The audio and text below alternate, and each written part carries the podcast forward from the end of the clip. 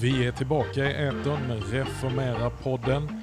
Jag sitter här nere i studion tillsammans med Johan Eriksson återigen. Jag som talar heter Magnus Persson. Och det här är alltså Reformera-podden som utges i samarbete med tidningen Budbäraren och EFS.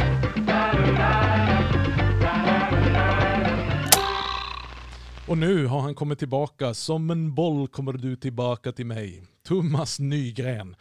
När vi äntligen hade lagt vantarna på honom så har lektorn i systematisk teologi på Johannelunds teologiska seminarium kommit tillbaka till oss i studion. Välkommen Thomas.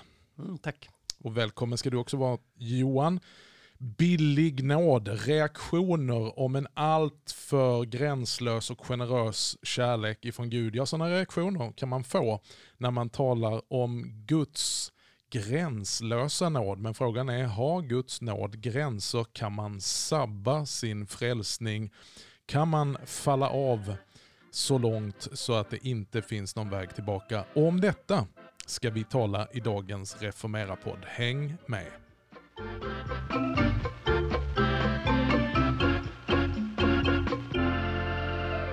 Vi har haft, det var ju mycket bra samtal de senaste veckorna här. Men de väcker också frågor tänker jag. Och frågan här med frälsningen. Ja, det, det är nära till frälsningen. Guds nåd finns där, erbjudandet finns där. Men när jag väl är frälst och har valt ljuset framför mörkret. Hur, hur kan, jag, kan jag sabba det? Kan jag bli som det som populärt kallas för avfälling? Kan jag gå miste om min frälsning? Och Det här är intressant att tala om i ett helkyrkligt perspektiv eftersom vi talar om helkyrklighet. Så att titta tillbaka först och främst på apostlarnas dagar, Nya testamentets tid, där den här frågan berörs naturligtvis i olika problemsituationer när Paulus skriver sina brev. Titta på fornkyrkan, titta på eh, det allmänkyrkliga arvegudset vi har med oss, titta på reformationen men också titta på väckelserörelserna i modern tid. Vår egen rörelse, frikyrkorörelsen, karismatiska rörelser. Också händelser i närtid. Vad eh, har kyrkan att säga? Vad är skriftens vittnesbörd? Var är den där bortre gränsen för Guds nåd? Eller är det det vi, eh, sysslar vi med någon sorts billig nåd? Vad säger teolog, teologie doktor, lektor Thomas Nygren? Ja, du behöver inte rabbla upp alla titlar, det blir så anspråksfullt det jag säger. Ja, framförallt ja. kommer det ta väldigt lång tid att hinna med dem. Jag hinner inte, nej, så många titlar har jag inte haft, men, men ändå. Ja, men, eh, det är ju en jättespännande fråga, var går gränsen för nåden?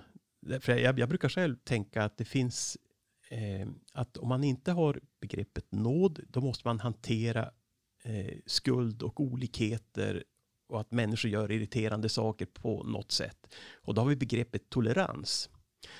Eh, som jag tänker vår samtid eh, har som ett huvudbegrepp istället för ordet nåd. Och tolerans är intressant därför att det har alltid gränser. Det här kan vi inte tolerera längre. Det, det, någonstans går gränsen där man säger det här är inte möjligt att tolerera. Eh, och den som inte är tolererad är ju ute. Och sen för övrigt så är det ju en jättelik skillnad egentligen med att vara benådad och att vara tolererad. Ja, men jag tolererar dig. Hur kul är det på en skala? Mm -hmm. eh, Don't go where people tolerate you, go where people celebrate you. men, men nåd, nåd går ju egentligen över alla gränser. Eh, men det är sändarens perspektiv. Sen finns det ett mottagarperspektiv. Och det är helt klart att människan kan ställas utanför Guds nåd. Menar, vi har ju syndafallsberättelsen som är typexemplet på att visst kan människan sabba sin levande gudsrelation. De hade ju dessutom oerhört väl förspänt. En, en, en paradisisk tillvaro. Och så sabbar de sin relation med Gud. Jag tänker alla relationer eh, är ju utsatta för liksom prövning och där det kan komma till en punkt där det, ja, det går i sönder. Mm. Och jag tänker att det är på det medmänskliga planet som blir någon sorts resonansbotten för att sen ta den frågan vidare till Gud. Likt Petrus kommer till, till Jesus i ett läge och så säger nej men alltså nu får det vara nog, hur många gånger ska jag då förlåta min broder? Och han tar ju i. För om jag kan min, min, min historia rätt så eh, fanns det rabbiner som sa att three, stri three strikes then you're out, sa de inte på engelska men på hebreiska. Eh, det vill säga att ja men du är ädel om du kan förlåta tre gånger men där går gränsen. Och, och Petrus han tog ju i och sa, ja men okej då, sju gånger då. Så han tänkte att jag har ju ändå följt Jesus, jag är lite bättre.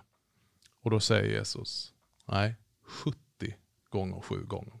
Som då är talet för oändlighet, alltså ingen bortre gräns. Det är otroligt radikalt. Det finns ingen gräns på förlåtelse. Men ändå håller vi alla med om här att någonstans så finns det ju någon gräns. Att Jesus kom, han var fylld av nåd och sanning. Men hur ska vi balansera det här för att komma vidare med din fråga? Jag vet att Johan, du har studsat det här mot reella situationer och mm. personer. Mm. Ja, men jag tänker, jag har verkat och arbetat länge i den evangelikala världen och vi har exempel på personer som efter lång och trogen tjänst lämnar kanske både tjänsten och tron. Och mest flagranta exempel finns ju ofta i USA som alltid. Där det, ja, kända pastorer faktiskt har hittat stöda på hotellrummet med massa kokain och prostituerade och fått ett hjärtstillestånd mitt i förlustelserna. Och då är ju frågan, kommer man till himlen då?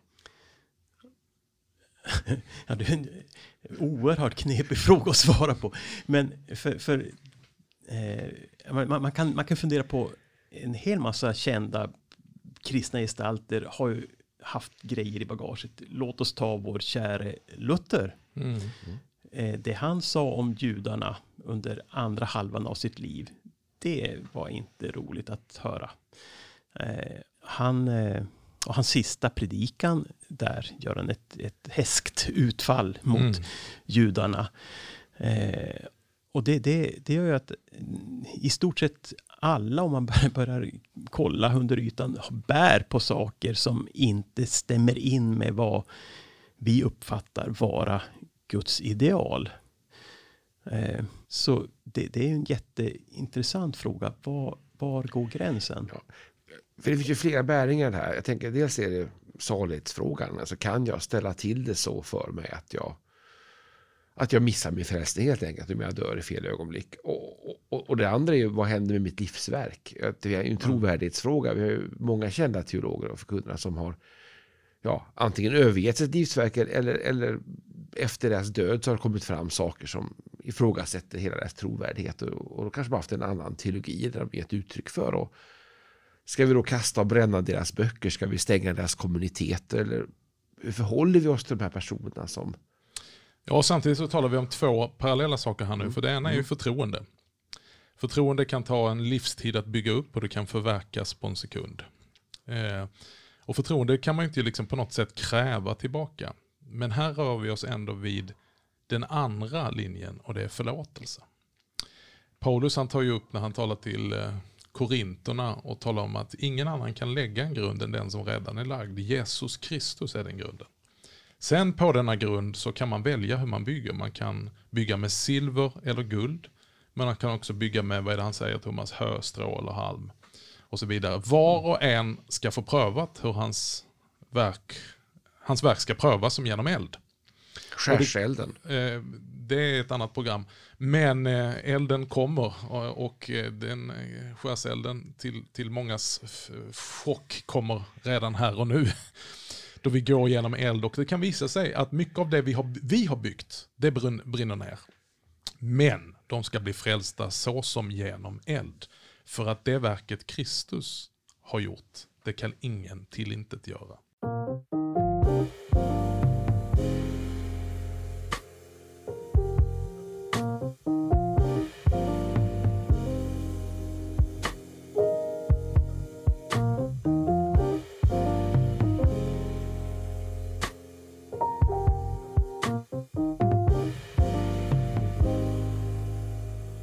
Men tillbaka till pudlens kärna. Kan jag förlora min frälsning och var går då gränsen? Alla tittar på mig här, vilket inte ni radiolyssnare eller poddlyssnare ser. Nej, men alltså, eh, jag tror att det finns en gräns och den gränsen sätter jag som enskild människa upp någonstans? Eh, därför att vad är det som ger frälsning? Vad är det som ger räddning? Jo, det är Jesus Kristus. Och om jag slutar luta mig mot det, då är det förlorat. Alltså att, att eh, förneka vad grunden är. Att ta avstånd från det. Eh, och då tänker jag inte att man tar att det inte handlar om, om primärt om att man tar avstånd från det genom det man gör. Eh, som syndare. Eh, för att eh, det, det, skulle vara väldigt knepigt att hantera livet om det vore så att, att eh, jag skulle dö syndfri. Eh, eh, det fanns ju tider i kyrkans historia där man, där man väntade med dopet till dödsögonblicket så att man inte skulle hinna synda efter dopet för att säkerställa frälsningen. Så tanken kan bli väldigt sned om mm. man går, går i det spåret. Eh, nej, så, så det, det, handlar, det handlar om, om vad önskar jag, vad vill jag, vem mm. lutar jag mig mot?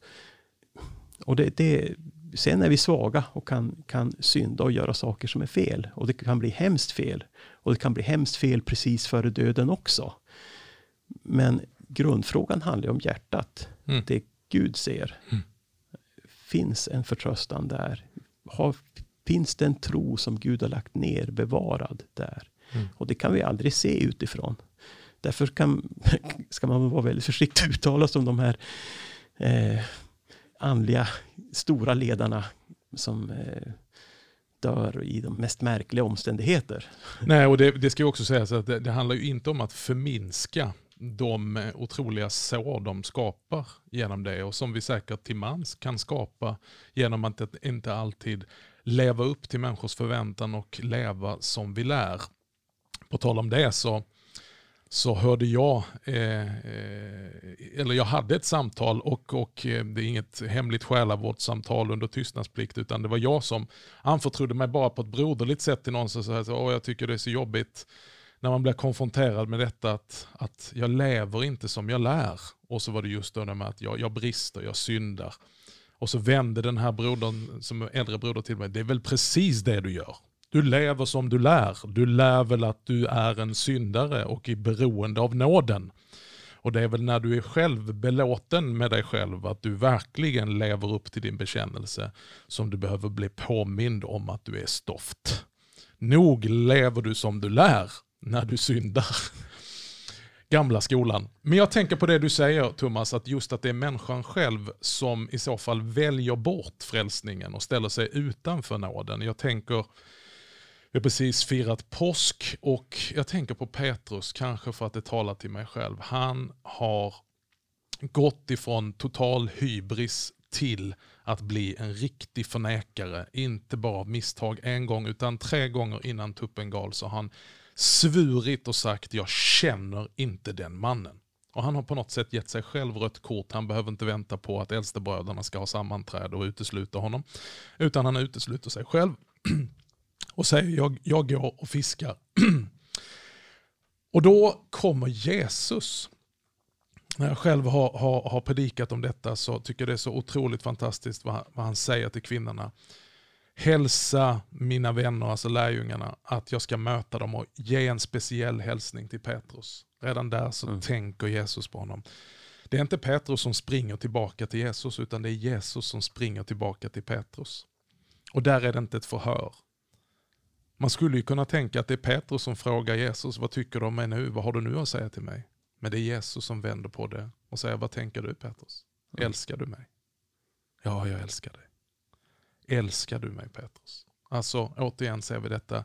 Det är inte Jesus som ställer Petrus utanför nåden. Utan det är Petrus som har försökt lämna.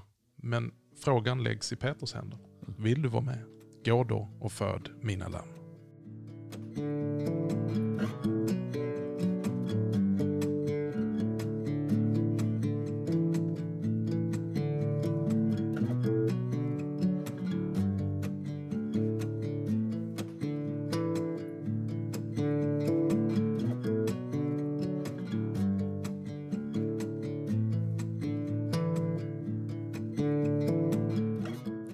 Och som sagt, viktigt att understryka att vi förminskar inte problematiken och det förskräckliga när andliga ledare också med andlig manipulation förstör andra människors liv, sårar och bedrar. Det är fruktansvärt och det måste fördömas.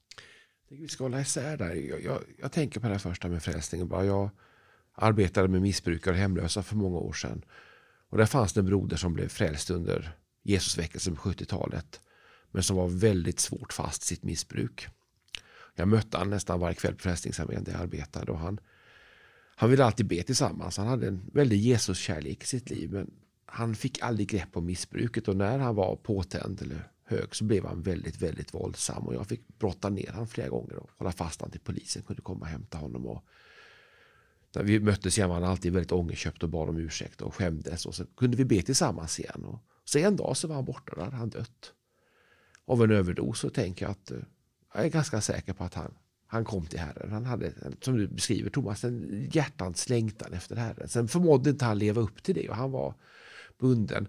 Och jag tänker att det kanske också gäller den här stackars predikanten som dör på ett hotellrum i New York med näsan full med kokain. Det, det, det, kan ju vara samma sak. Men det här med livsverket, för det, det är en annan sak när du har ett andligt ledarskap som du pratar om Magnus och det finns ett förtroende. Och vi pratar om Luther och judarna här. Hur ska vi förhålla oss till Luthers ja, men, fruktansvärda antisemitism egentligen? Ja, jag måste rätta dig lite grann. Han, han var inte antisemit därför att Oj. antisemitismen uppstod på 1800-talet. Så den fanns faktiskt inte på ja. Luthers tid. För att antisemitism eh, handlar om ras. Mm. Okej, okay, han var bara mot judarna i största allmänhet? Nej, han var mot, eh, han var mot judar som inte tog emot evangelium. Så han, han eh, tyckte att det var en fruktansvärd eh, hädisk handling närmast. När, när judar som hade skrifterna inte tog emot skrifternas fulländning i Jesus Kristus. Och så för honom så var det egentligen en, det handlar om att man sa nej till evangelium. Eh, och, men, men, sen så talar han om det då på, på ett sätt som, som får fruktansvärda följdverkningar i historien. Och han, eh, det, det, alltså, om, om vi ska dissekera, dissekera Luther lite grann här så, så eh, på 1520-talet så skrev han en skrift där, som handlar om att Jesus var född jude. Och som handlar om mm. hur eh, illa vi har behandlat judarna men hur, att vi borde behandla dem väl och predika evangelium för dem. Eh, och där går han egentligen emot hela sin samtidsanda kring de här frågorna. Sen faller han tillbaka i sin samtids kulturella hjulspår. Och, och, för mig så är det en illustration av, av hur hur vi alla lever i vår samtids kulturella hjulspår. Och det är så fruktansvärt svårt att, att eh, komma ur de spåren. I vissa perioder, vissa eh, tider kanske vi får nåd att spåra ur mm. det, det falska som finns i kulturen. Men andra perioder så faller vi tillbaka i det. Eh, och, och då händer det att vi politiserar evangeliet på ett knepigt sätt eller gör något annat kring det kristna budskapet som, som faktiskt trasslar till det väldigt mycket. Men icke desto mindre så finns ändå tror jag många gånger då i botten av våra liv en vilja att tillhöra Kristus kvar, en, en Jesus kärlek. Ja. Jag tänker också att det kan finnas en, en, en, falsk tröst och trygghet att rota i andra människors synder. Man kan känna sig lite nöjd med sig själv när speciellt prominenta andliga profiler eh, visar att de har en baksida eller att det är sprickor i muren. Och eh, vi kan ju bli väldigt upptagna med att rota i andra synder. Jag vet att jag läste Spurgeon en gång och så sa han att jag förstår inte att de har tid med andra synder. Jag har fullt upp med mina egna. Rosenius, han eh, var inne på det här och eh, han talar om Kristi rike som ett förlåtelsens rike. Och så tar han då just hur ska vi hantera varandra i ljuset av denna förlåtelse och nåd som vi själva har tagit emot. Hur nådefulla är vi med, mot varandra? Och så säger han, vilket helvete blir det inte på jorden? Vilka hemska plågor och vilket hat och vilken avund och oro när man inte tror och älskar utan istället gräver i både sina egna synder och i andras fel.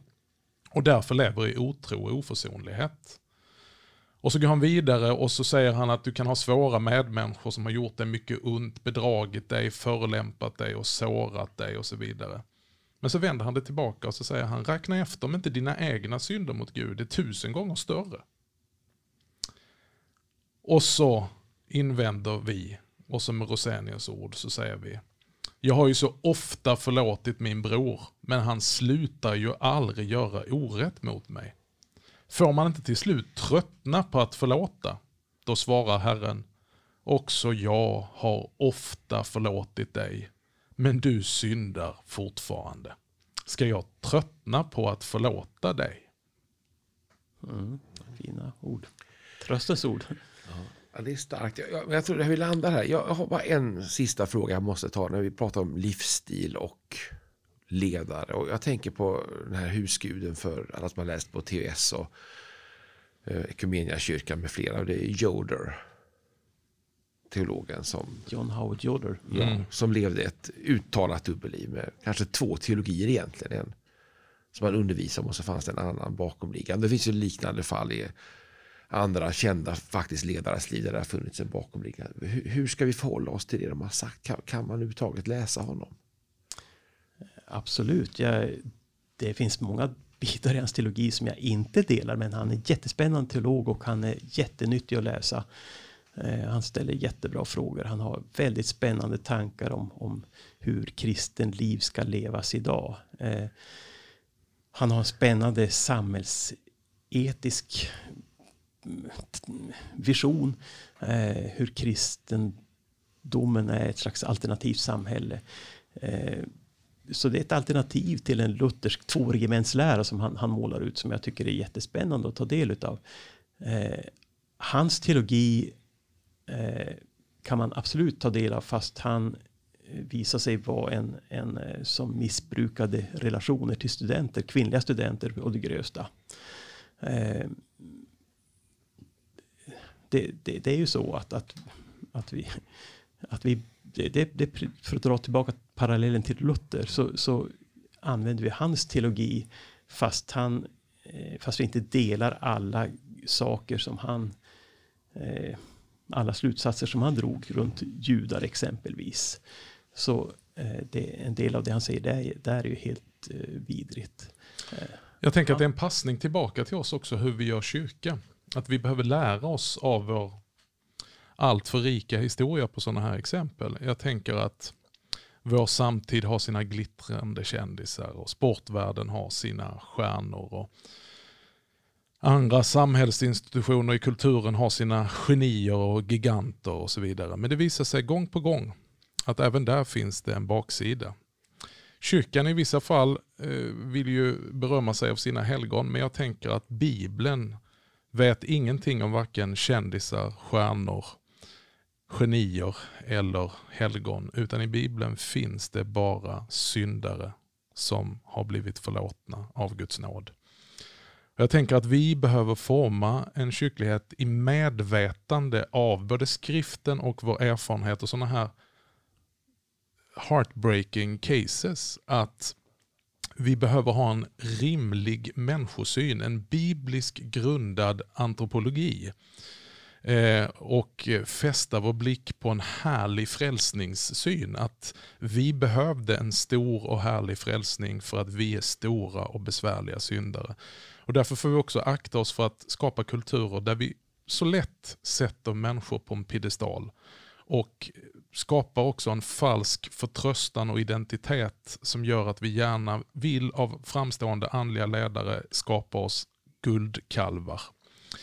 Och ibland så tror jag också att det är för kyrkans skull som Gud själv måste skaka om huset, dra bort draperiet. Han gör det för oss gång på gång i våra egna liv. Då vi börjar tro för mycket om oss själva så mm. kommer verkligheten ikapp oss. Smärtsamt, förkrossande men alldeles nödvändigt. Förtvivlan är grogrunden för verklig förvandling. Man måste förtvivla på sig själv. Och om detta får vi eh, tillfälle, som vanligt när vi rör vid något spännande, att eh, en liten cliffhanger och säga hur kan vi forma en helkyrklighet med evangelium och Jesus Kristus som den enda som vi ser upp till. Vi behöver ta riktmärke och slå följe och ha föredömen. Människor som kan leda oss och peka oss i rätt riktning. Men inte ledare som pekar på sig själv utan som pekar på Kristus. Och som säger med Johannes döparen som precis har stått i centrum för en gigantisk folkväckelse ute i ödemarken. Och helt plötsligt, han som har upptäckt frälsaren och som har pekat ut honom långt innan alla andra visste vem han var sa där är Guds lam som tar bort världens synd. Och vips sa det, så var allt folk borta. Han förlorade hela sin framgång och hans egna lärjungar står besvikna och säger nu går ju alla till han. Han där borta, det vill säga Jesus. Och Johannes, han tolkar detta som den största beröm han kan få. Och så borde vi också tolka det. Och så säger han, det är som sig bör. Jag blir mindre och ska avta medan han ska bli större och tillta. Svårt, men den enda vägen framåt. Nu är helgen här, men efter helgen kommer helgelsen. Tack ska du ha för att du har lyssnat till Reformera-podden även den här fredagen. Vi är så glada och tacksamma för responserna som ni skickar in. Känn dig fri, som vissa har gjort, att eh, ställa frågor som du tycker att vi borde besvara, ämnen som vi borde behandla och kanske till och med gäster som vi borde bjuda in här till den tredje micken. Den här podden görs i samarbete med Budbäraren och EFS. Och eh, vill du säga något Johan? Vi måste tacka Thomas som har ställt upp för tredje gången här. Ja, Thomas. Du är ju vår favorit, den vi har satt på piedestal. Nej, det, det, det hoppas jag verkligen inte. Nej, jag skämtar. Vi, vi är otroligt djupt tacksamma Thomas för att du ville bidra med din kunskap och eh, med en sån här eh, tredje part i det här samtalet. Tack ska du ha. Kul att vara med, tack. Vi tackar också Dan Woodrow som är producent för den här podden och Andreas Lundström, vår eviga eminenta klippare. Titta in till oss nästa vecka. Tills dess så säger vi Guds rika välsignelse.